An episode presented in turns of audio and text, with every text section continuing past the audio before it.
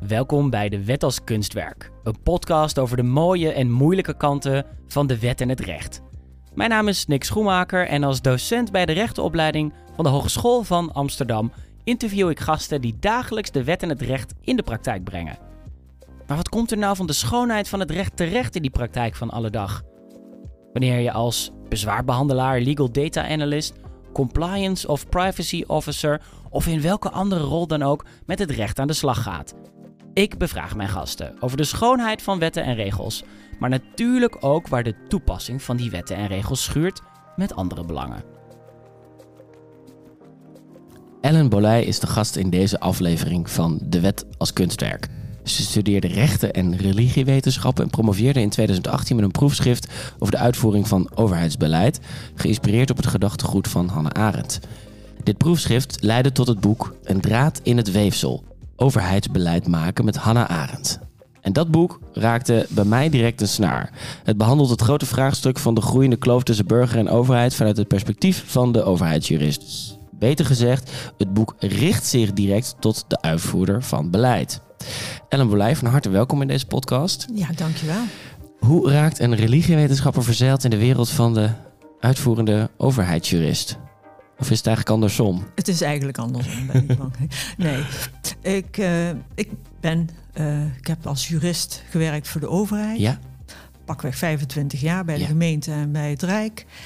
En um, allengs zijn de uh, vragen die ik had bij het werk, het uitvoeren van wet en regelgeving en mijn begeleiding van mensen die dat werk doen.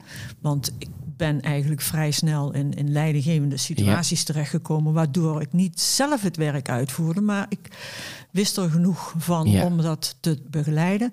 De vragen die dat opriep en waar mensen tegenaan liepen, dat, dat uh, maakte ik dat we gewoon meer van wilden weten en uh, de diepte in wilden gaan. En ja. Toen ben ik religiewetenschappen gaan studeren.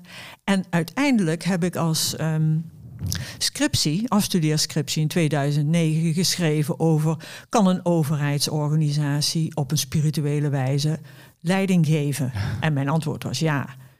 Maar daarmee had ik de vraag laten liggen en bewaard voor mijn promotieonderzoek. Namelijk, kun je als uitvoerder uh, van wet en regelgeving je ethisch-morele principes inzetten. En dat raakt dan weer aan je motivatie. Ja. En dat is de grondslag geweest van mijn promotieonderzoek. En hoe werd er, daar gaan we het, gaan we het natuurlijk mm. uitgebreid over hebben in dit gesprek. Dat doen we aan de hand van een aantal stellingen, zoals mm. de mensen gewend zijn. Mijn eerste vraag was eigenlijk toen ik las dat je religiewetenschapper uh, uh, bent gaan studeren. Hoe werd er dan op gereageerd? Als ik nu bij mijn, bij, mijn, bij mijn werkgever zou aankloppen en zou zeggen... nou, ik wil graag religiewetenschappen studeren... dan is de vraag vaak, en ik werk bij HBO Rechten... waarom is dat dan van nut voor, voor, voor je werk in deze opleiding? Ja. Vond je het makkelijk om die vraag te beantwoorden... of kreeg je die vraag überhaupt niet? Nou, als ik eerlijk ben, moet ik zeggen... ik kreeg die vraag nauwelijks. Want het werd eigenlijk gezien als een privéonderneming. Oh ja. Het had niks met het werk te maken. Het is je hobby. Terwijl voor mij was het heel duidelijk, had het wel duidelijk en ja, zeker te maken ja, ja, met mijn werk en de motivatie voor het werk. Maar ja, in een drukke organisatie is er nauwelijks ruimte voor. En ik heb het gewoon ook altijd uit eigen beweging en met eigen financiering gedaan. Dus in feite, ik deed mijn werk gewoon en mm, ik deed die studie daarnaast. Maar voor mij werd dat hoe langer langer hoe meer niet twee, twee werelden, maar werd het gewoon één wereld. Zo gaat dat ook. Als je Hmm. je ergens in verdiept, dan denk je, ja, van de linking pin ben ik. Ja. In deze twee werelden. Ja. Zoals mensen die een rol hebben in een gezin, ook eh, zeg maar hun gezin inbrengen in het werk. Ja, ja, ja. Op meer manieren dan je misschien op het eerste uh, oog zou denken. Zoals bijvoorbeeld dat je um, meer oog krijgt voor uh, mensen die je moet beoordelen, die bijvoorbeeld moeder zijn en kinderen hebben. Ja. En je bent zelf moeder en kinderen, Ja. dan kun je dat. Dan Moet je echt je best doen om dat te scheiden Ja. in je Ja. objectiviteit. Ja. Wat we noemen objectiviteit. Want, want wat was voor jou de reden om, om die stap te zetten? Je, je werkte dus altijd als, als, als uh, ja, uitvoerder van overheidsbeleid, mm -hmm. zo zouden we het kunnen zeggen. In, het, in het managen van ook uitvoerders van overheidsbeleid. Mm. Um, waarom die stap naar religiewetenschappen? Waarom dacht je dat moet ik gaan studeren? Um, die studie op dat moment um, gaf inzicht in, uh, of, of behandelde of ging in op uh, alle levensbeschouwingen in de wereld. Het was een hele brede opleiding. Ja. um, wat mij was opgevallen in, in ja, was dat bijvoorbeeld in management, als je het hebt over managementtechnieken, dat er vaak werd teruggegrepen op be, um, begrippen uit Oosterse tradities. Hè? Zoals uh, als je dan anders wilde aanpakken, leiding geven, dan kreeg je te maken met mindfulness of uh, ja, begrippen uit Oosterse tradities. Ja, ja, en Um, om daar duidelijk in te krijgen wat die Oosterse tradities nou eigenlijk zeggen, waar die in wezen over gaan, um, had ik daarop na verloop van tijd de behoefte aan om daar echt ook in te duiken Ja. via een opleiding die daar inzicht in gaf. Maar moet ik me ja. dan voorstellen dat je bijvoorbeeld een, een, een, nou, een- leidinggevende bij een overheidsinstelling krijgt allerlei trainingen eh, aangeboden. Ja. Eh, je, je loopt dan tegen dat begrip mindfulness aan en je, ja. je wilde eigenlijk naar de bron. Ja, ja, precies. En ook op een gegeven moment naar de bron van. Maar ehm, wij hebben zelf ook principes en beginselen. En waar komen die dan vandaan? En dat komt gewoon uit onze eigen westerse traditie. Ja, En eh, wij zijn. En die hebben vaak levensbeschouwelijke en soms religieuze achtergronden. Alleen we zijn het vergeten. We zijn er angstig voor of Mhm. cynisch over. ja, We geloven niet in het hogere. Of het hogere is iets voor jouzelf thuis en heeft helemaal voor, niks met je werk te maken. leven. Ja. Ja. Terwijl in mijn eh, ervaring is het gewoon zo dat je dat gewoon meeneemt. Dat zit in je. Dat breng je in in je werk. Ja. En je betrokkenheid bij wat je doet. En de keuzes die je maakt. In de eerste plaats voor jezelf. Hè? Beroep dat je kiest. Ja. Maar eh, na, op een gegeven moment kies je om te werken voor een bepaalde organisatie. Ehm, als je helemaal geen zicht hebt op wat je wil doen, wordt dat een lastige keuze. Of als je alleen maar eh, afgaat op het feit dat je daar je kost mee kunt verdienen, is heel legitiem. ja. Heel legitiem. Dat is misschien niet genoeg om je hele leven te dragen. Ja. We gaan nog gelijk eh, flink de diepte in. Ik, ik hou daar, dat vind ik fijn. Ehm, dat doen we ook al met de stellingen. Eh, en ze zijn ja, misschien, eh, misschien wat minder concreet soms dan, dan we bij eh, deze podcast gewend zijn. Dan wil het ook nog wel eens gewoon over de omgevingswet gaan en hoe je Mhm. burgers erbij betrekt. Ja. Wij, we gaan kijken naar de rol van de jurist vanuit een iets ander perspectief. Dat heb jij natuurlijk ook gedaan met het boek eh, Een draad in het weefsel, dat ik nu voor me heb liggen. En, en daarom gaan we voor de volgende vier eh, stellingen. Die ga ik je voorleggen, dan mag je eens of oneens antwoorden. En dan gaan we ze er natuurlijk daarna afpellen. Mhm. De eerste, geen mens heeft het recht te gehoorzamen. ja, daar kan ik geen nee op zeggen. ja, dat is- eens. Twee, om een wet goed te kunnen uitvoeren, moet je de bedoeling van de wet kennen en begrijpen. ja. 3. Juristen die een religieuze opvoeding hebben genoten zijn beter in staat tegendraads te handelen. Nee. Oneens. Een tegendraads jurist is weerloos tegenover de commandostructuur van de klassieke bureaucratie. Nee, juist niet. Oké. Dat waren de vier stellingen. Oké. Dus de eerste twee eens en de derde en de vierde oneens. Registreer ik dan. Ik denk dat je me nog wel eraan herinnert wat de Ja, vragen Dat komt goed. Dat komt goed. Laten we bij de eerste beginnen. Geen mens heeft het recht te gehoorzamen. Mhm. Het is een boek, eh, of een, een, ik moet zeggen, een citaat waar je ook je boek mee eh, Mhm. begint, als ik Ja. dat correct heb. Ja, klopt. Eh, kein Mensch had das Recht zu gehören. Ik hoop dat ik het goed uitspreek. Ehm, wat bedoelde Hannah Arendt daarmee? Ja, Hannah Arendt, die, ehm, die is heel ehm, gepassioneerd over het feit dat je zelf denkt. Ja, Je hebt zelf te denken, je bent een volwassen mens, je hebt je eigen verantwoordelijkheid. Mens zijn is, is belangrijk. Zeker in de. eh, zij maakt onderscheid tussen arbeiden, maken en handelen. Mensen handelen en maken daarmee onderdeel uit van een samenleving. Ja. Je spreekt je uit. Hetzelfde als handelen. Gehoorzamen hoort bij kinderen. Zij zegt, als jij zegt van eh, ik heb dat gedaan omdat ik eh, mijn vader dat en moe- of moeder dat vroeg. En je bent nog geen 15, is dat helemaal terecht. Want je ouders hebben je op te voeden en Ja. te begeleiden naar een wereld waarin je kunt leven. ja, Maar zo gauw je, eh, nou ja, kunt denken, behoor je te denken en is gehoorzamen ehm, geen optie. Hm. Je maakt een keuze, Ja, je precies, kiest ergens precies. voor. Ehm, waarom heb ik het gekozen als motief voor Ja. het boek, of, of in ieder geval een e- eerste stelling, is dat ehm, je eh, nogal eens eh, als ambtenaar van een uitvoerende or- organisatie ben je natuurlijk daar om regels uit te voeren en niet te veel vragen te stellen. Ehm, je bent namelijk niet de politiek die Nee, uitmaakt precies. wat, eh, wat de wet De regel inhoudt, zou moeten wat de zijn. regel Ja, is. ja. Ja. Eh, dus wat je nogal vaak hoort is van, eh, ja, ik heb een opdracht uit te voeren. Opdracht is opdracht. Ehm daar staat in de regel. Dat, eh, ja, dat, doen, nou, dat soort opmerkingen duiden op gehoorzaamheid. Ja.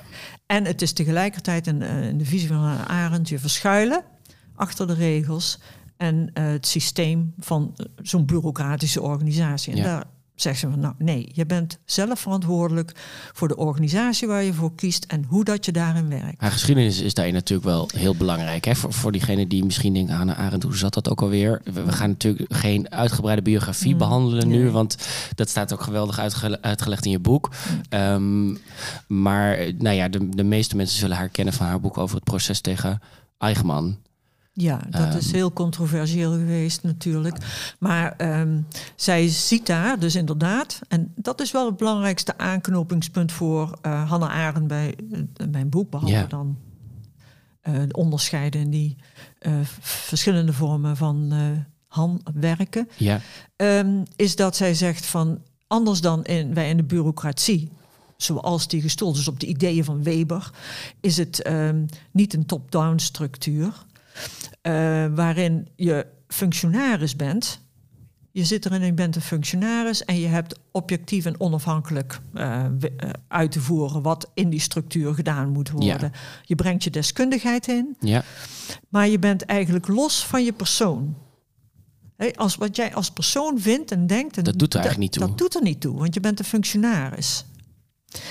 En dat, ehm, die houding die speelt nog steeds in de klassieke bureaucratie. Hè, dat wordt nog heel, Ja. ja. dat, dat is eigenlijk standaard. Ja. Je bent eh, gewoon uitvoerder en je hebt verder geen vragen. En het is lastig om er gelijk de Tweede Wereldoorlog bij te halen. Want, want Eichmann was, was een, een, Ja. een hoge natieofficier die, die, die als architect van de Holocaust wordt gezien.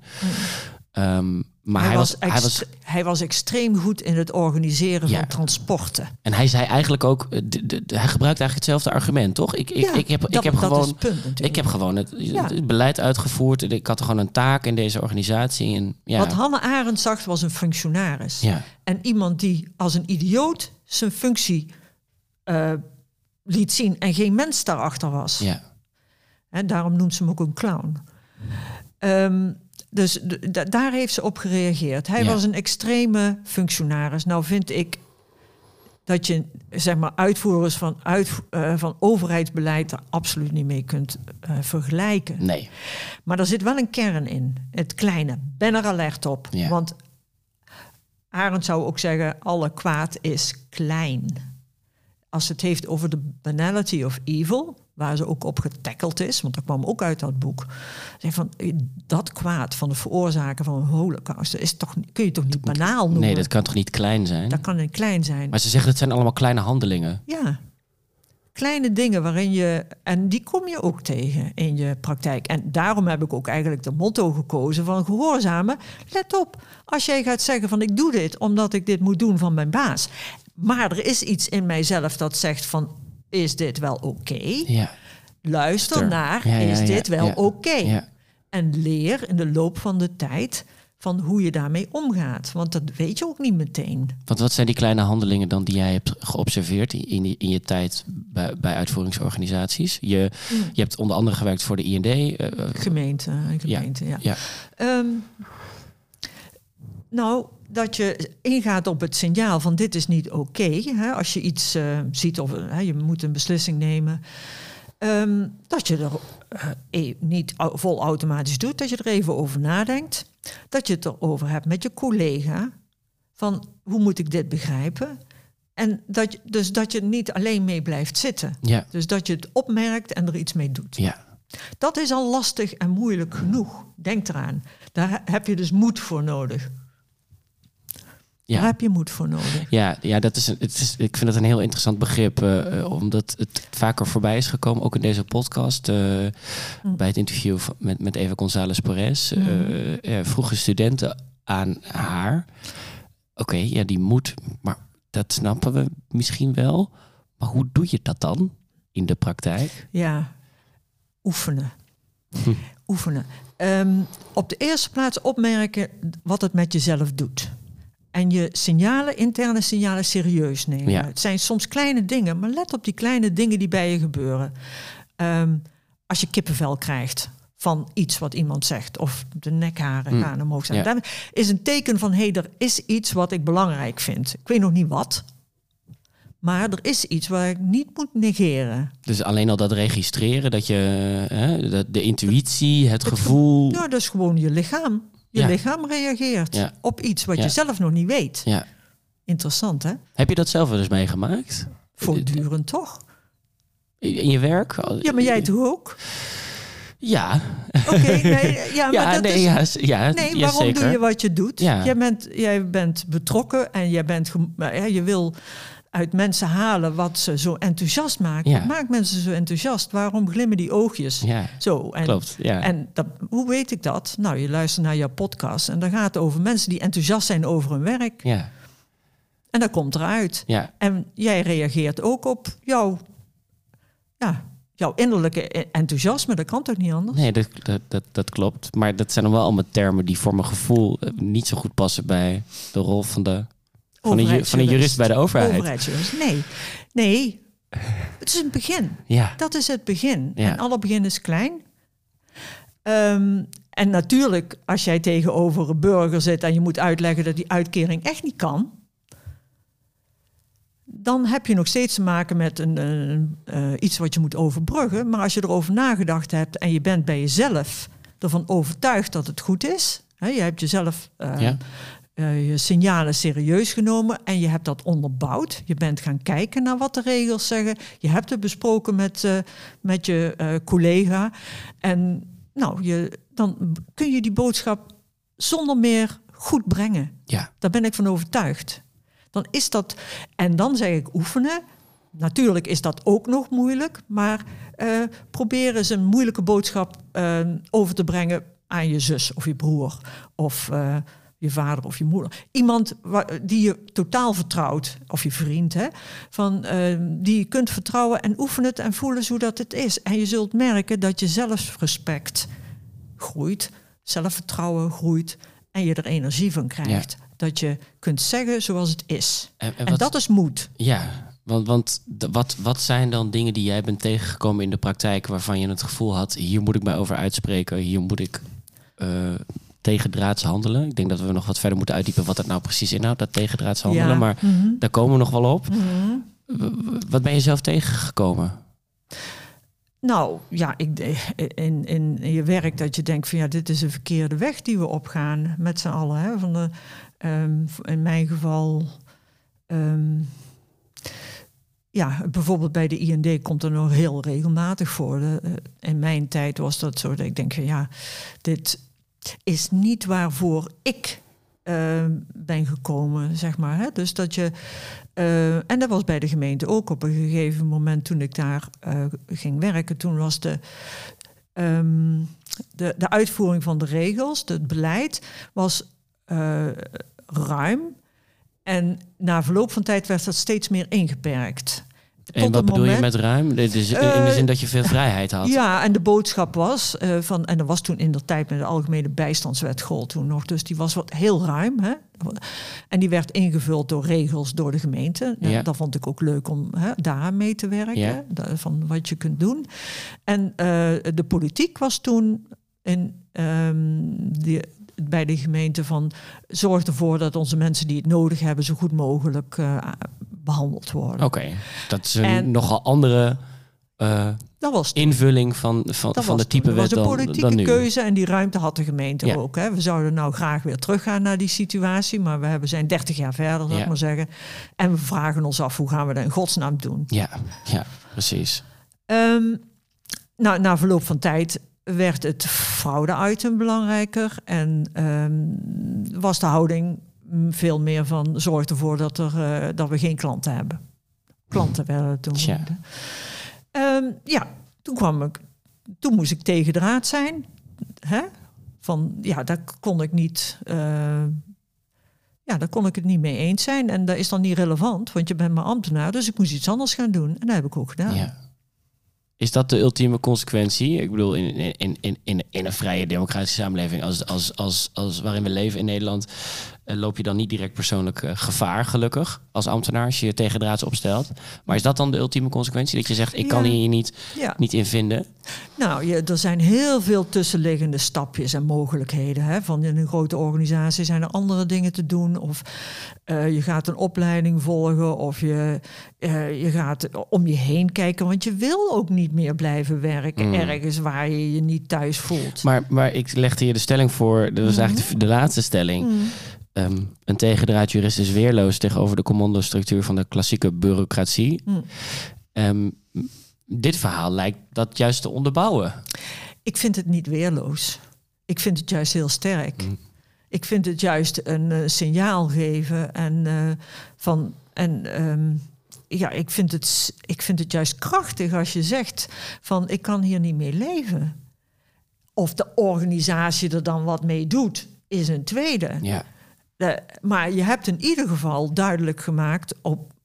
Nou, ze zeggen wel eens over consumenten die uh, uh, stemmen met hun voeten Precies. of weet ik veel wat. Uh, ik doe hier niet aan mee. Ik doe hier ja. niet aan mee. En um, ja, en wat dat maakte wat dan, Wat maakte dan dat je bij de gemeente waar je toen werkte dacht, ik doe hier niet meer. Waar, de, waar deed je dan niet meer aan mee? Waar wilde je niet meer aan meedoen? Um, het, is, het was eerder zo dat ik merkte dat ik dat dat ik niet kon, ik kon het niet meer verwoorden. Wat de boodschap was, die uh, uh, op dat moment uitgedragen werd, dat, dat kon, kon ik niet zeggen. Ja. En toen dacht ik, ja, nou, dan kan ik het ook niet meer. En dat is een crisis, hè? Ja. Ik bedoel, van dat is niet, uh, dat gaat ook niet van de ene dag op de andere. Um, maar dan kom je op een gegeven moment dat je denkt van, ja, nee, het, dit gaat mij te ver ik zou zeggen van doe wat eerder, laat het niet zo ver komen. hè, met mijn wijsheid van nu, hè, achteraf. Ja.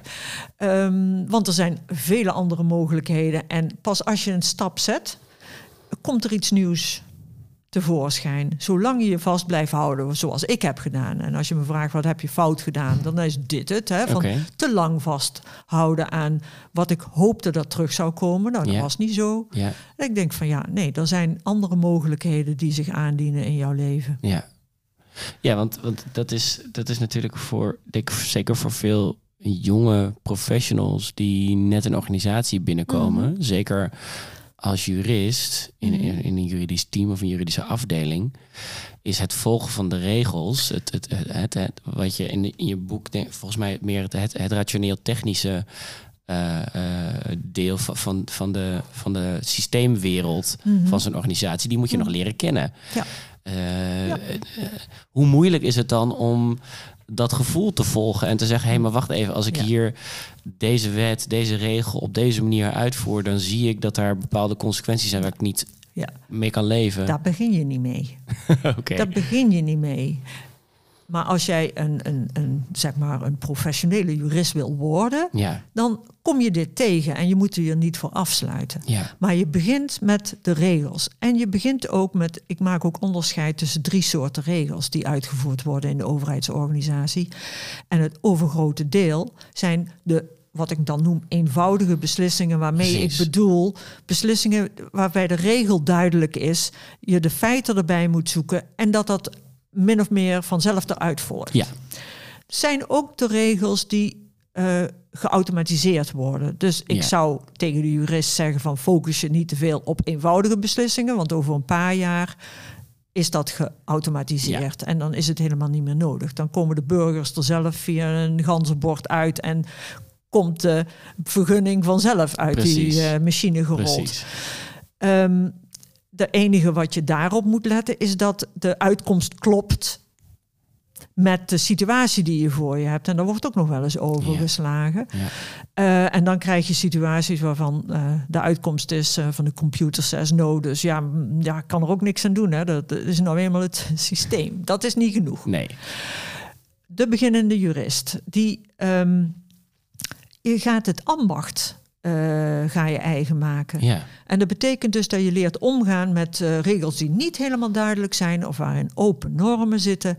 En dat is al een uitdaging genoeg. Dat is echt. Uh, ja, dat wordt ook vaak ingevuld met allerlei richtlijnen en met instructies. Die per lokale overheid kunnen verschillen wat de bijstandswet betreft wel, maar anders bij andere organisaties. Open normen zijn altijd op een of jurisprudentie, ja. hè, ingevuld door jurisprudentie. Dus dan moet je weten van hoe is het, uh, zijn die situaties uitgelegd. Dus kan ik mijn beslissing uh, daarin volgen. Ja. Um, maar je maakt, um, het is geen volautomatisch mechanisch proces. Je maakt keuzen en daar moet je je ook bewust van zijn dat jij een bepaald feit belangrijk vindt en een ander niet. Dus, dus de, de, de, je zegt, oké, als, je, als je start ben je misschien ook wat veel bezig met, um, met, met dat soort eenvoudige beslissingen. Nou, die moet je misschien, uh, uh, misschien moet je de focus daar niet te veel op leggen, want uh, de, de, neiging van veel overheden is om dat soort dingen te automatiseren. Wat zijn dan die andere twee um, vormen van beslissingen die, die juristen nemen? Nou, de complexe beslissing, hè, dus, dus de ambacht. Dus eerst heb je, ik maak de eenvoudige beslissing lijkt op arbeiden. Het gaat ja, over uh, dat is, dat noodzakelijke dingen. Wat dat Hannah is Arendt. Arendt, precies, Arendt ja. noemt dat arbeiden. En ze zegt er is geen vrijheid. Hè. In arbeiden is geen vrijheid. Nee, Je dus het is repetitief, uh, werk wat zich herhaalt. Je doet het omdat hè, er, er, er moet gewoon gewerkt Je worden. gaat in feite uit van vooroordeel. En dat is leuk, want zij noemt vooroordeel niet in een uh, afbrekende zin. Negatieve maar, manier, nee. Nee, maar gewoon van dat die stappen die kennen we. Hè, dezelfde verkeersregels, rood licht, uh, Ja. uh, groen licht. Ja. Dat is maar handig dat het Ja, er is. Precies. Want anders dan sta je allemaal op dat kruispunt te kijken en eh, wat, wat doet die ander nou eigenlijk? Nou, dus er zijn, ehm, zeg maar, evidente keuzes. Ja. Eh, Er zijn eigenlijk geen keuzes. Het zijn ja-nee beslissingen. het is van volgen. Ja, ik bedoel zorgen dat je de, de NAW-gegevens, hè, naam, adres, eh, woonplaats, dat je die goed registreert. Ja, ja, ja. Dat is heel belangrijk. Hè? In een heel proces, zoals ik ook anderen hoorde, van het is belangrijk om het huisnummer uh, goed uh, op te schrijven. Want als, als, dat niet, als het verkeerd in het systeem komt, is het lastig te wijzigen. Ja. Goed. De tweede is de complexe beslissingen waar je ruimte hebt, of in ieder geval een oordeel moet vormen. ja. Omdat er open normen zijn en je keuzes maakt. Dus ook over de feiten, maar ook over de regels die je toepast. Die twee. En dat is een ambachtelijkheid die je leert in de praktijk. En daarbij uh, ja, breng je al je kennen en kunnen in. Dat is ook, je moet dat echt zien als een soort timmerman die uh, de keuze maakt tussen de, welke hamer dat hij gebruikt, welke schroevendraaier, welk hout, welk Ja. hout is buigzaam, welk Ja. niet. Dus die, die vergelijking kun je misschien gebruiken bij de complexe ambachtelijke beslissing. Je, en in die soort beslissingen kan het gebeuren dat je zegt, ja, maar de uitkomst die hier uitkomt, hè, nadat ik me al mijn uh, juridische deskundigheid heb uh, aangewend en uh, overlegd heb met collega's, komt er iets uit wat niet, dat kan niet, dat moet niet kunnen. Nou, dan kom je op het gebied van de politiek. Ja. Daar is de ambtenaar, hè, er staat een rode lijn, heb je niks mee te maken. Je, dit, dit mag niet. Je, je, je bent geen je hebt geen politiek, maar je bent geen, niet politiek. Je bent gewoon uitvoerder. Ja. Um, nou, dat is waar ik dan op het tegendraadse kom. Want dan zeg ik van ja, maar je bent ook nog steeds mens. En je bent ook nog steeds burger. En je signaleert iets. Ja. En dan neem je serieus. Door het in de structuur van de organisatie in te brengen. En als dat verder geen gevolg heeft, ja, daar sta je dan. Ja, precies. Met lege handen. Zoals of, jij dat zelf ook hebt ervaren. Ja, of niet. Wat ga je doen? Je kunt handelen. En dat is wat Hannah Arendt zegt. Van je hebt daar. Um, nou, en haar handelen gaat niet over privémuizenissen. Dat, dat komt er ook nog eens een keertje bij kijken, wat het uh, genuanceerd maakt. Um, Maar het gaat over politieke beslissingen. Het gaat, haar handelen gaat over hoe dat we samen een, een, een samenleving willen vormen. Ja, en want dat zij ziet dat handelen ook echt als een, een publieke activiteit. Je Absoluut. moet je. Dat gaat over het publieke domein waar ze het dan over heeft. Ze scheidt dat af van het privédomein van arbeiden. Dus de handelen is nooit een subjectieve mening inbrengen, maar dat is wel je mening inbrengen en die transformeren in je ges- openbare gesprek. Nou, dus als een ambtenaar zoiets tegenkomt, is mijn stelling, hè, van- dat je het inbrengt in de organisatie, dat je het ehm, eh, jouw waarneming of wat je ervan vindt, dat je dat wel inbrengt. Maar je luistert ook naar wat anderen ervan vinden. En ja, neemt ook mee wat de politieke keuzes daarin zijn geweest. Ik bedoel. En dan houdt het, dan houdt het op. Ik bedoel, van, dan heeft het zijn eigen weg. Het houdt niet op. Het heeft Ja. zijn eigen weg. En jouw eigen persoonlijke traject, dat is weer een andere. Ja. En, en is er dan nog een derde niveau van, van, bes- van beslissingen nemen? Nou, dat is, dat is dat handelen wat ik net zei. Oh, dat- Dus, ja, eh, dat is het, het, eh, nou, re- eh, het, het uitvoeren voorbij regels, noem ik dat. Ja. Omdat het, het niet meer het domein van de, van de ambtenaren is. Maar goed, je hebt ambtenaren op allerlei niveaus. En je hebt ambtenaren als directeur die aan tafel zitten met de politiek. Ja. En die hebben natuurlijk daar een andere verantwoordelijkheid. Die ze, mm, nou in het geval van bijvoorbeeld de toeslagenaffaire, eh, niet hebben genomen. Ehm, eh, ja, daar, daar kan ik moeilijk iets over zeggen. Ik kan alleen zeggen wat ik zag op de, ehm, zeg maar de eh, interviews in de tijdelijke commissie. Precies. Wat me toen opviel was dat er een aantal hoge leidinggevenden toegaven dat ze pijn in de buik hadden Ja, en daar niks mee deden. nee. Ja, nee, dan moet ik anders zeggen. Natuurlijk hebben ze he- heel erg hun best gedaan om het, eh, maar totaal gefrustreerd raakten, want het kwam dus niet aan bij de politiek. Dat doet me heel erg denken aan iets wat ik in je, in je boek las. Mm. Je legt daarin uit dat, dat, dat je te maken hebt met ehm, bij overheidshandelen, bij het uitvoerende organisaties, sprake is van de leefwereld van mensen. Hè? Dus Mhm. de, de burger die de vergunning aanvraagt, die, die eh, een uitkering nodig heeft, die contact heeft met de overheid. En, en, en nou, dus de sociale en de morele dimensie aan.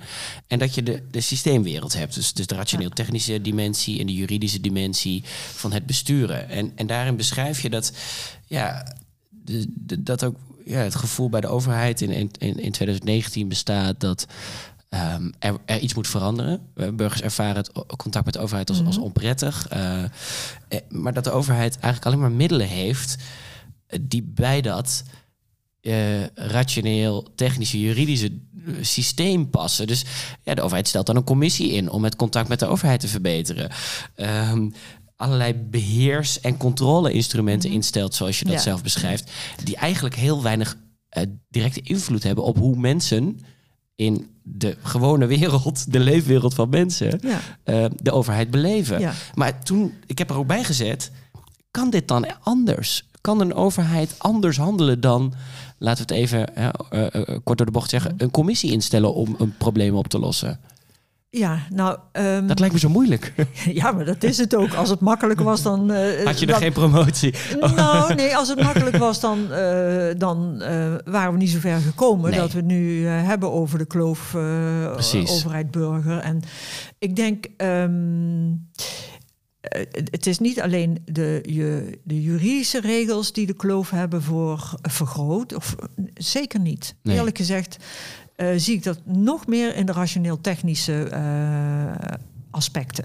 En dan denk ik aan de manier waarop overheidsorganisaties worden georganiseerd. Sinds ehm, de negentiger jaren Mhm. meer geschoeid op, eh, op eh, neoliberale principes. eh, die komen uit het bedrijfsleven. Dat wil zeggen, we stellen doelen die moeten meetbaar zijn. We, hebben, we hebben geen. we spreken niet over ik bedoel burgers afrekencultuur. Ja, en het, en het idee dat de overheid een bedrijf zou zijn. met klanten. Met klanten. Onzin.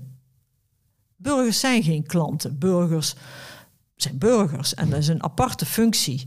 dus ik, de, dan grijp ik toch weer terug op misschien wat uh, oudere uh, concepten... die vroeger veel meer leefden als nu. En dan heb ik het over vroeger in de 19e eeuw. Mm hadden, uh, dan was je burger, dat was wat. Hè? Ja. Maar nu is een burger zoiets van, ja, de sukkel misschien. Ik weet het niet. Nou, we hebben, nou ik, ik, ik, praat, ik praat met mijn studenten wel eens over, over, over burgers... en wat dat betekent in, in een vak mm. over beroepsethiek. En, en, en je ziet toch dat mensen liever niet over burgers, maar dan over inwoners van een gemeente spreken. Mhm. Omdat burgers toch een, een, haast negatieve bijklank heeft mhm. gekregen. Omdat?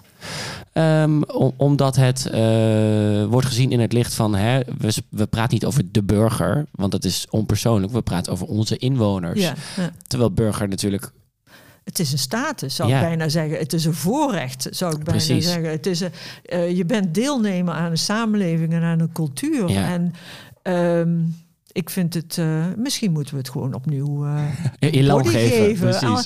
Ja, van uh, je bent en, en je bent mede verantwoordelijk voor de, voor de, voor de, de stad waarin je woont. Hè? Ik bedoel, dat eh, inwoners vind ik toch eh, te passief, eerlijk gezegd. Um, en, en klant vind ik uh, helemaal niet kloppen. Want mensen die gaan naar de gemeente omdat ze iets nodig hebben. En niet om, want ze zouden waarschijnlijk liever naar een ander, uh, andere winkel toe gaan als maar die, het kon. Maar die is er niet. Maar die is er niet. Hè? We zijn monopolist. Ja.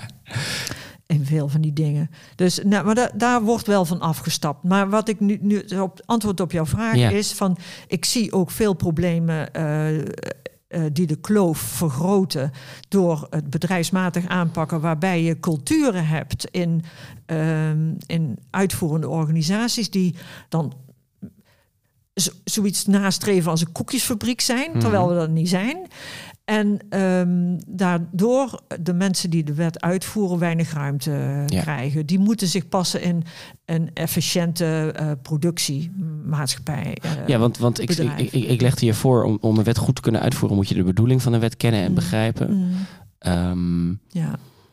Ja, voor de meeste uitvoerders van overheidsbeleid lijkt de wet soms misschien meer een soort van bijzaak te zijn. Ja, ja dat, dat haal ik ook aan. Ik, ergens. Ik, pagina 35 heb ja, opgeschreven. Precies, van, ja, joh, kom op, hé, die wet. Want, uh, wij, wij, wij zorgen er gewoon voor dat mensen uh, krijgen wat ze nodig hebben. Ik weet niet wat ja. het was.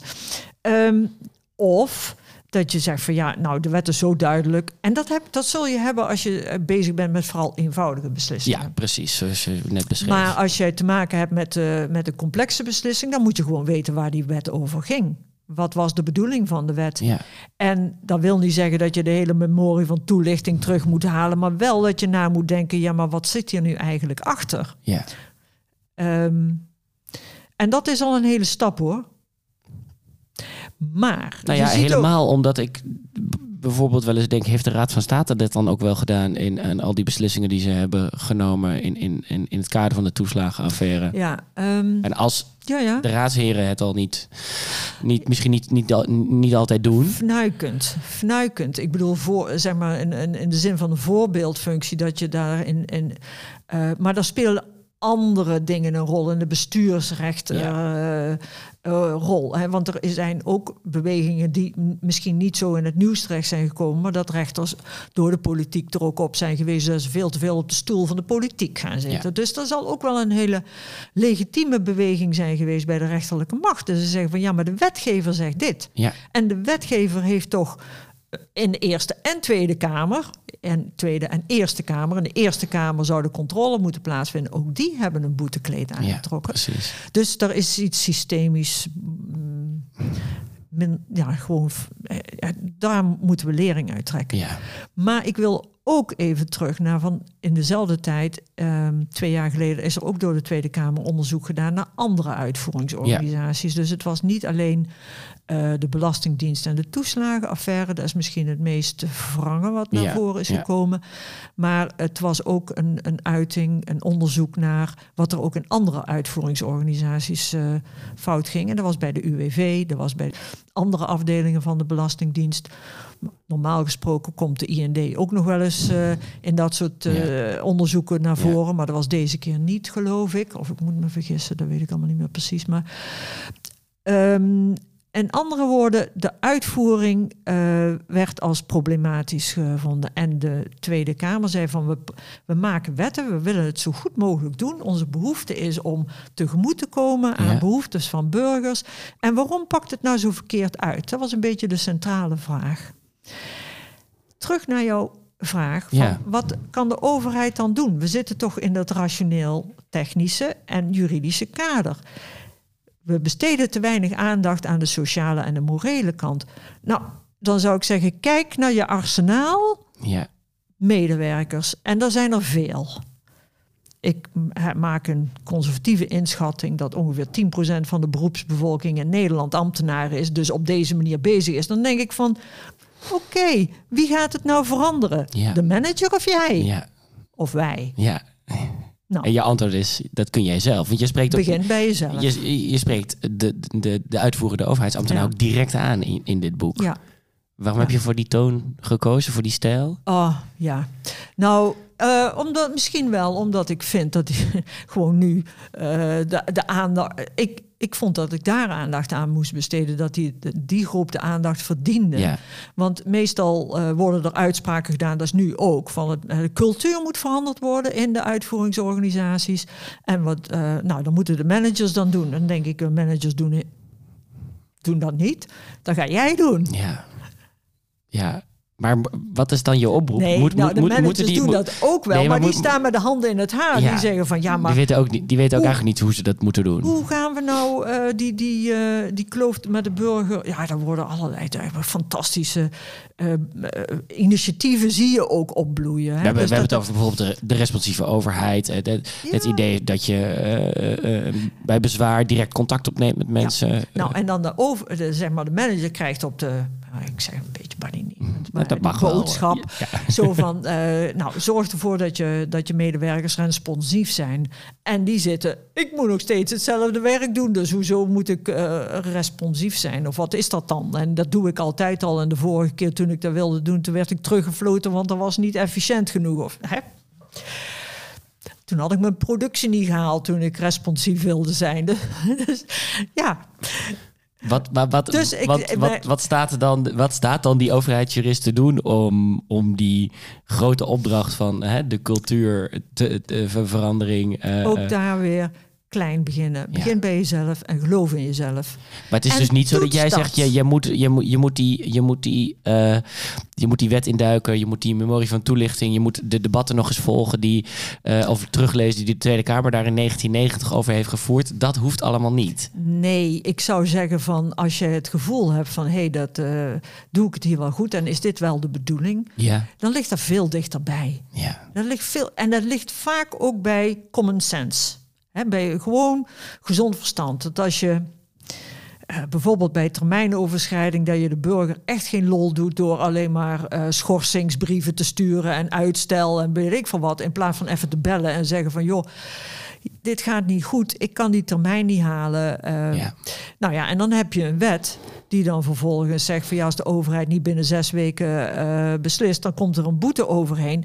Dat zal best met de beste intenties Tweede Kamer gemaakt zijn om ervoor te zorgen dat, eh, dat de Als overheid achter de deur. Ja. tenen loopt. Hè, van, eh, als stok achter de deur, maar het werkt wel averechts. In de zin van de organisatie wordt opgejaagd. En de burgers die krijgen misschien een, een, een- ja, misschien sommigen vinden het nog leuk ook dat er, eh, maar ze krijgen, ze hebben nog steeds geen beslissing. Nee, in je boek zeg je dat, dat, dat het eigenlijk eh, ehm, eh, ja, een relatie. ehm, Onder druk zet. Ja, nou, ik wilde, Nee. ik wilde eigenlijk zeggen, in, in je boek dacht ik te lezen dat het, dat, dat, dat dan een relatie creëert tussen burger en overheid, gebaseerd op wantrouwen in plaats van Ja. vertrouwen. Ja, dat zeg ik. Ja. en, ja. en dat, ik, ik, ik, ja, het, het lijkt me zo lastig om in die, nogmaals, hè, in die cultuur als Mhm. jurist, eh, toch van dat vertrouwen uit te, te gaan. Ja, dus dat gaat ook niet in één keer. En zeker niet, je weet, zoiets als eh, vertrouwen gaat te paard en komt te voet. Ja, Wij zijn ver, ehm, we hebben een lange weg te gaan. ja, na, na wat er de afgelopen mm, jaren is gebeurd. En dat, dat heeft wortels in eh, toch al eh, ja, veel langer. ja. En er zijn ook, ja, misschien. Nee, we hadden, uh, hoe moet ik dat zeggen, van. Er zijn culturen waar er echt een, een, een structurele afkeer van de overheid is. En denk maar, in de Verenigde Staten is alles wat federale overheid is, dan moet je van weg blijven. Ja. Daar hadden we denk ik toch veel minder. En we konden uh, ons wel identificeren, ook al ben je niet altijd eens met de politiek en de regering. Dan moest je vooral niet mee eens zijn, zou ik maar bijna zeggen. Maar je, je wist wel dat je stem gehoord was, ook al had je geen gelijk gekregen op een of andere manier. Maar nu heeft de overheid, uit, de overheid, en met name de uitvoerende overheid is mijn uh, onderwerp, um, zo gedistanceerd, zover. Uh, dat we alleen nog maar met wantrouwen te, tegemoet worden getreden. Maar dat komt ook omdat we zelf burgers zien als um, calculerend. Vroeger was het uh, de calculerende burger en daar hadden we nog wel van, oh ja, maar hè, natuurlijk calculeert hij en nou is het de frauderende burger. Hè, en het, de cynische houding die daarbij hoort, nou dat gaat ons niet helpen. Daar komen we niet mee uit. Dus je moet beginnen bij, uh, ik denk dat we kunnen beginnen bij gewoon de uitvoerende ambtenaren de ruimte te geven om uh, als het nodig is. Want er is in vaak is dat helemaal niet nodig. Maar soms is het nodig om even die stap te zetten. Is en er zijn voorbeelden van. Je had ook een, een, een, uh, een gesprek met uh, iemand uit Zaandam, ja. geloof ik. Was het Zaanstad? Purmerend, denk ik. Purmerend, ja. ja. Die dat in de praktijk brengen en er heel enthousiast over zijn. Ja. Maar er zijn meer van dat soort initiatieven. Dat wordt gedaan. En er was ook een. is, dat dan, is, is dat dan de essentie? Dat, dat dat we mensen zich weer gehoord moeten laten voelen? Ja, dat is denk ik een hele belangrijke eerste stap. En dan kom je nog mensen tegen die daar niet, uh, niet onmiddellijk uh, blij mee zullen zijn of in geloven. Want, uh, nou ja, dat, maar je, dat is wel de eerste stap die, die je zou kunnen zetten. Er zijn ook in die, um, de Belastingdienst in die TCU-onderzoeken, uh, uh, onderzoekscommissie, die verwezen ook naar uh, teams die ze hebben om problemen uit te zoeken. Hè. Dan, of, bij de SVB was dat bijvoorbeeld terug naar de, de bedoeling. Hè. Ja. De, ja. de bedoeling garage of zo. Ik weet het niet. dat krijgt dan een hele mooie titel. Ja. Maar het gaat erom dat dat mensen zijn die contact opnemen met, met, met burgers en, en gewoon vragen: hey, wat, wat is er eigenlijk aan de hand? Wat is gebeurd? En zeg maar dingen, probleemsituaties uit gaan zoeken en tot een oplossing brengen. En er zijn dan aparte teams voor ingericht. Um, jij, jij, jij, jij, kijkt daar bedenkelijk bij. Je denkt dat zou toch eigenlijk elke ambtenaar moeten doen? We zouden dat, ja, dat, zou, dat, ja. dat, dat, komt in elk team voor. En dan moet je niet bijzonderen, dat moet je er gewoon uh, uh, mee, mee pakken. Maar als je als team wordt afgerekend op je productie, hè, en snel, doorloopsnelheden van beslissingen of wat dan ook, dan wil je de ruis eruit halen. Terwijl die ruis juist zo belangrijk is. En van die ruis kun je leren. Ja. Kun je enorm veel leren, ook als team. En, en als ik nu zeg van uh, let op je eigen signalen, dan denk ik van en, en hou dat niet privé, want dat is niet interessant. Ja. Maak het iets van je geheel. en je doet het niet alleen. ja publiek eerst in je eigen omgeving en naarmate je um, ja, daar, uh, steviger bent, deskundiger ook bent, want het is niet, je gaat, je neemt het juridische, je neemt al die aspecten mee in die discussie die je aangaat. Staat er niet naast, ja. je neemt dat mee. Ja. Het hoort erbij, het is een geheel. Ik, ik um ik heb die derde stelling, we hebben eigenlijk alle stellingen behalve de derde stelling al behandeld. Maar de mhm. derde stelling die ik je voorlegde, uh, uh, legde ik je voor omdat um, het, het begrip uh, spiritualiteit een bijzondere mhm. rol in je boek speelt. En mhm. de stelling was: juristen die een religieuze opvoeding hebben genoten, zijn beter in staat tegen de raad te handelen. Was je het mee oneens?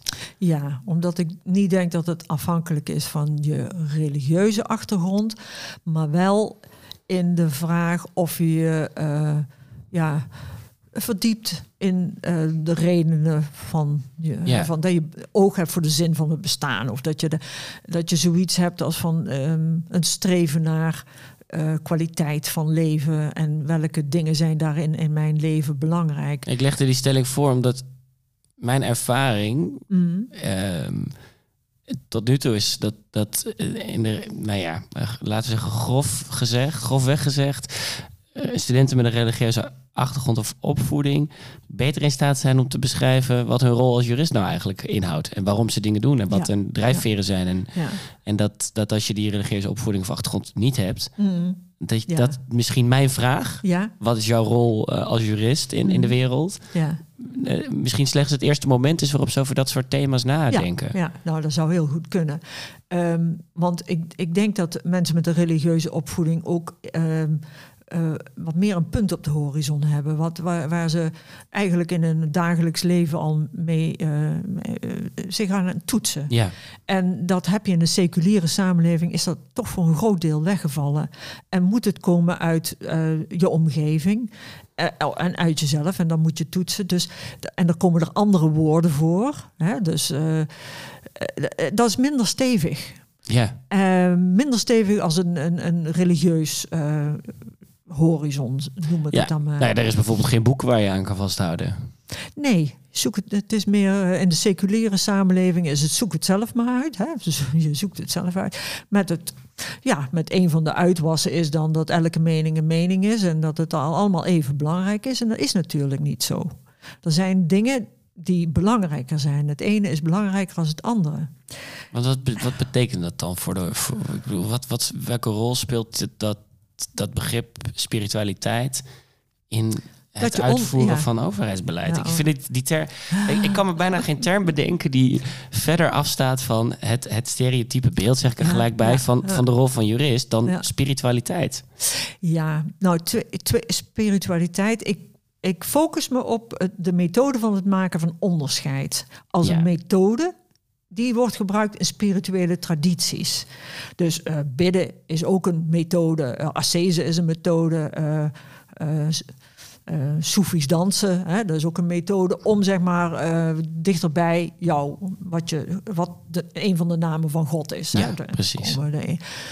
Ehm, dus het maken van onderscheid is een van de een methode uit de spiritualiteit waar, waar ik gezien heb dat die heel veel dat die dezelfde elementen heeft als wat Arendt aangeeft. Dus ik dacht van ja, dit is niet zomaar wat. Dit heeft wel degelijk eh, die stappen die zijn gewoon belangrijk. En, en het maken van onderscheid, wat bedoel je daar dan mee? Keuzes maken, Precies. kiezen Wat is van belang, wat is niet van Juist. belang in de wereld, in het Ja. leven? in de wereld en het leven en in de spiritualiteit. Die methode eh, is het, ja, van, van dat er eh, in tijden ja, dat organisaties nadenken over wat willen we eigenlijk bereiken en Ja. waar gaan we naartoe en hoe doen we dat. En ehm, als je daar. Dat, dat zijn allerlei dat zijn trajecten die ik wel ken uit, uit vorige rollen, waar die allerlei eh, bloedeloze missie- en visiestatements opleveren. Mhm.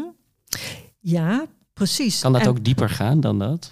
Nou, dat, als het, dat moet dus daar eigenlijk dieper gaan. En eh, je, je zou met, met elkaar, ja, echt wel, wat beweegt me nou? En niet alleen maar, wij moeten eh, de toelatingsorganisatie van Nederland zijn. Want dan denk ik van, daar gaat niemand hard van lopen. Nee. Hè? En eh, ook het, de manier waarop dat normaal gesproken top-down wordt gedaan. Van ja, maar nou hebben we, hebben, nu gaan we echt cultuur veranderen.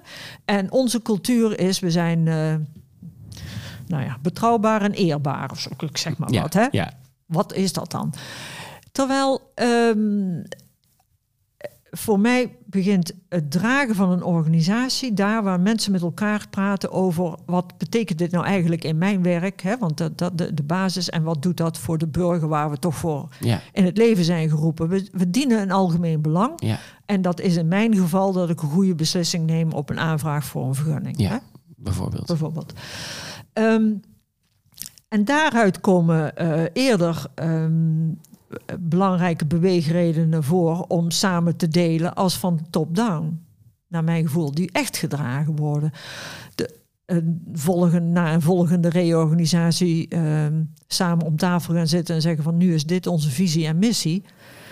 Dan gaan de mensen verder naar hun bureau en doen hun werk zoals ze het altijd gedaan hebben. Want dat, dat is de kern van, Ja, van het verhaal. ja, Dus nee, dan blijft het bloedeloos. Spirituele bij het maken van onderscheid als methode is eh, inderdaad gericht op dat je eh, nadenkt over wat echt belangrijk is in, in jouw leven. En dan kom je op dingen als rechtvaardigheid, gerechtigheid, ja. op menswaardigheid. Dat is voor mij een, een belangrijk punt, omdat ik denk van elke mens heeft zijn waarde. Ja. Hè? Zo plat.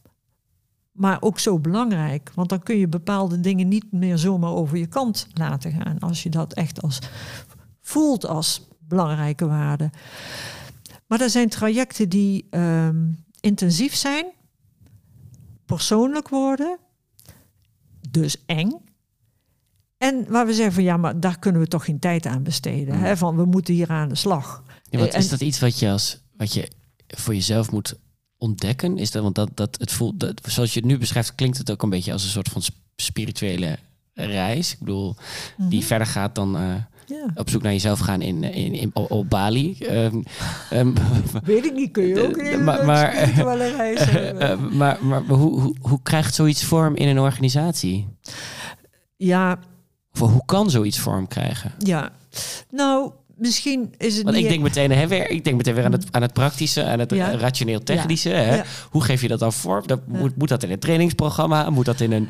Uh, kan ook heel breed. En het kan ook heel van als je... Uh, het begint bijvoorbeeld uh, misschien toch bij ruimte laten voor mensen die dat wel hebben en uitdragen. Ja. En als jij een, uh, een baas hebt, een leider hebt, die daar ook voor heeft, dan hoeft hij echt niet elke dag de hele tijd mee bezig te zijn. Maar die laat dat zien in de manier waarop hij omgaat met zijn mensen. En uh, die ziet als een uh, collega uh, misschien niet, niet helemaal goed in zijn vel zit. Ja. En hem daarop aanspreekt in de zin van: kan ik je ergens mee helpen? Ja. Zit je ergens mee? Wat zit je dwars? Ja. Gaat het wel goed? Maar dat is eng. Ja. En daarom doen we het niet. En soms wordt ook wel gezegd van ja, maar dan heb je van die oeverloze gesprekken en van ik kan toch niet met iedereen om tafel gaan zitten. En dan kan ik alleen maar zeggen van je investeert. Dat is een investering. Niet geld, niet een zak geld om nog een cursus ernaast te zetten. Waar mensen vervolgens zeggen: van ik heb helemaal geen zin in een cursus, want dat weet ik al. Of dat, ja. Ja. wat heb ik daar nou aan? Nee, je investeert in een, uh, in een gesprek met iemand. Als hij er niet voor open staat, kun je er ook verder niks aan doen, klaar. Maar als iemand merkt dat hij werkelijke belangstelling krijgt, dan zal hij met zijn zorgen komen. Of dat nou gaat over een regel, uh, of, of dat hij zegt: Ik heb een fout gemaakt. En ik, nou eerlijk gezegd, hè, ik ben er niet goed mee omgegaan. Hoe ga... Dat kan enorm dwars zitten en dat kan uh, uitgroeien tot een groter probleem dan het eigenlijk moet zijn. Dus hoe spiritueel is dat? Is het niet. Het is gewoon doen. Het is niet hoog en ver weg. Nee. Het is ook niet uh, iets van een andere wereld. Het is van hier en nu. Maar het, is wel, het gaat wel over ruimte creëren voor dat gesprek, wat verder gaat dan de beslissing. Het geeft dus, dus over die morele ruimte, die ja. morele dimensie. De sociale dimensie is, wat mij betreft, uh, de, de omgangsvormingen die je onder, onderling hebt, maar ook met je burger. Ja. Die worden dus, die zijn uh, geformaliseerd in algemene beginselen van behoorlijk bestuur voor een overgroot deel. Ja. Zelfs zover dat mee, veel van die algemene beginselen zelfs in de wet zijn terechtgekomen. En op het moment dat ze in de wet zijn terechtgekomen, is het uh, juridische dimensie. En is het een regel die we uit moeten voeren en kijken we hoe we daar onderuit kunnen komen. Terug naar wat betekent gewoon uh, je houding, uh, hoe ga je om met mensen om ja. je heen? De sociale dimensie. Ja. En de morele dimensie is dat je oog hebt voor wat er speelt op het, bij jezelf hè, als, als medewerker, met je collega's, daar ruimte voor hebben en met je leiding. Het is best veel gevraagd, maar het is een investering. En als ik zeg van het is een investering, als mensen, als je vertrouwen creëert in, in een team, echt vertrouwen creëert, dan kun je mensen, dan hoef je niet meer te beheersen en te controleren. Dan gaat het goed. En mensen die komen dan met iets. Als er wat is. Als er wat is. Ja. Vindt vind deze boodschap weerklank? In juridische teams, in organisaties, in, in overheidsorganisaties. Wat heb je daarvan gemerkt? Ja, van tijd tot tijd wel, natuurlijk. Ik bedoel, van ik, ik ben. Uh, ja, zeker. Ook wel. Maar het is een beetje ik, ik, door het overheersen van een uh, managementcultuur, waarin je alleen maar wordt aangesproken op uh, productie en ja. resultaat. En dan resultaten ook nog kan schuiven, dan weten mensen niet meer waar ze aan toe zijn. En dan wordt dat het belangrijkste. Dus ik eh, wijs al een van de uh, belangrijke manieren om daar structureel iets aan ja. te doen, is om er zijn namelijk andere managementmodellen. Ja? Er is ja. niet alleen het Anglo-Amerikaanse bedrijfsmodel. Je kunt ook, ehm, nou ja, de- die zijn er ook in Het de, in Rijnlandse model. het Rijnlandse model, zoals dat ook toegepast wordt. En eh, in, in kleinere bedrijven die nu ook soms op de televisie komen van... kijk eens, Ja. hè, ik heb een bedrijf opgezet en mijn medewerkers doen gewoon wat ze moeten doen. Ik hoef er niks aan te doen. Ja. En eh dan wordt dat voorbeeld... Nou, een oud in- voorbeeld eh, in Nederland is, is installatiebedrijf Breeman, waar iedereen meebesluit over Ja. de koers van, van het bedrijf. Nou, daar zijn echt leuke voorbeelden van in de praktijk. Die zijn er ook, eh, ja, die zijn er Ja. meer. Ja, En zo kan. En, en ik moet eerlijk zeggen dat ehm, de overheid in het verleden dat model meer aanhing. Maar Ja. dat er misschien ja, te. Toen was de kritiek erop dat er te weinig eh, controle en te weinig inzicht was in wat de resultaten waren. Dus ik bedoel, we hebben ook goede dingen uit het, Ja. eh, uit het managementmodel van bedrijven gehaald. En dan zeg maar cyclussen van. Eh, eh, jaarverslagen en zo. Dat je, en eh, dat je kwantificeert wat je doet. ja. is Dat, is- dat is het probleem niet, zeg je. Nee, dat is het probleem niet, maar het is niet het enige. Ja, En eh, de, wat, wat ik wel heb zien groeien is het, het afgerekend worden op je productie. Terwijl het niet uitmaakt wat je produceert. ja. En dat wordt dan vergeleken en daar wordt dan op een hele pragmatische manier van omgegaan. Ja, en dan moeten we vervolgens gaan corrigeren om te zeggen... we moeten oog hebben voor de burger. Dat hebben we helemaal niet, want we zijn met ons eigen ja. productiesysteem bezig. En dan ben je een koekjesfabriek. Ja. De overheid als koekjesfabriek. Ja, dat is... eh, Niet, Nee. dat willen we niet. Nee, dat willen we niet. Daar zijn we niet. Nee. Ik wil je een laatste vraag voorleggen. Dat is de vraag die ik aan alle gasten voorleg in deze podcast. Mhm. Ehm, wat maakt de wet voor jou tot een kunstwerk? Ehm, ik vind, eh, ja, de wet is eh, uiteindelijk, de wet is iets wat we met elkaar maken. In een eh, heel uitgebreid proces. Maar we hebben er allemaal wel, we zijn er ook allemaal verantwoordelijk voor. De wet zoals die is. Ehm, zo, dus in die zin is de wet een kunstwerk, of zie ik het ook soms als een, een tapijt of een weefsel waar we allemaal een draad in weven. Hè. Dat, dat- ik bedoel, Ja. dat komt ook Ja. uit die gedachte van. Ehm, Van Arendt. zij heeft het over, de, je slaat een draad door, door je verantwoordelijkheid te nemen, sla je een draad in het weefsel van menselijke betrekkingen. Ja, En eh, als je dat terugbrengt naar eh, wat je doet als jurist, is je, je weeft aan het kunstwerk van de wet. ja, En je brengt je eigen draad in. En dan maakt de wet tot iets kleurrijks en, en sterks en heel veelzijdigs. Dus dat vind ik het kunstwerk. Mooi. Dankjewel, Ellen Bolij. Graag gedaan en bedankt voor de uitnodiging. De Wet als Kunstwerk is een productie van de Hogeschool van Amsterdam. Ga voor meer informatie naar dewetalskunstwerk.nl. De muziek in deze podcast is gemaakt door de Belgische artiest Title in samenwerking met Seizoensklanken. Wil je deze artiesten ondersteunen of meer van ze horen? Ga dan naar seizoensklanken.bandcamp.com of title.bandcamp.com.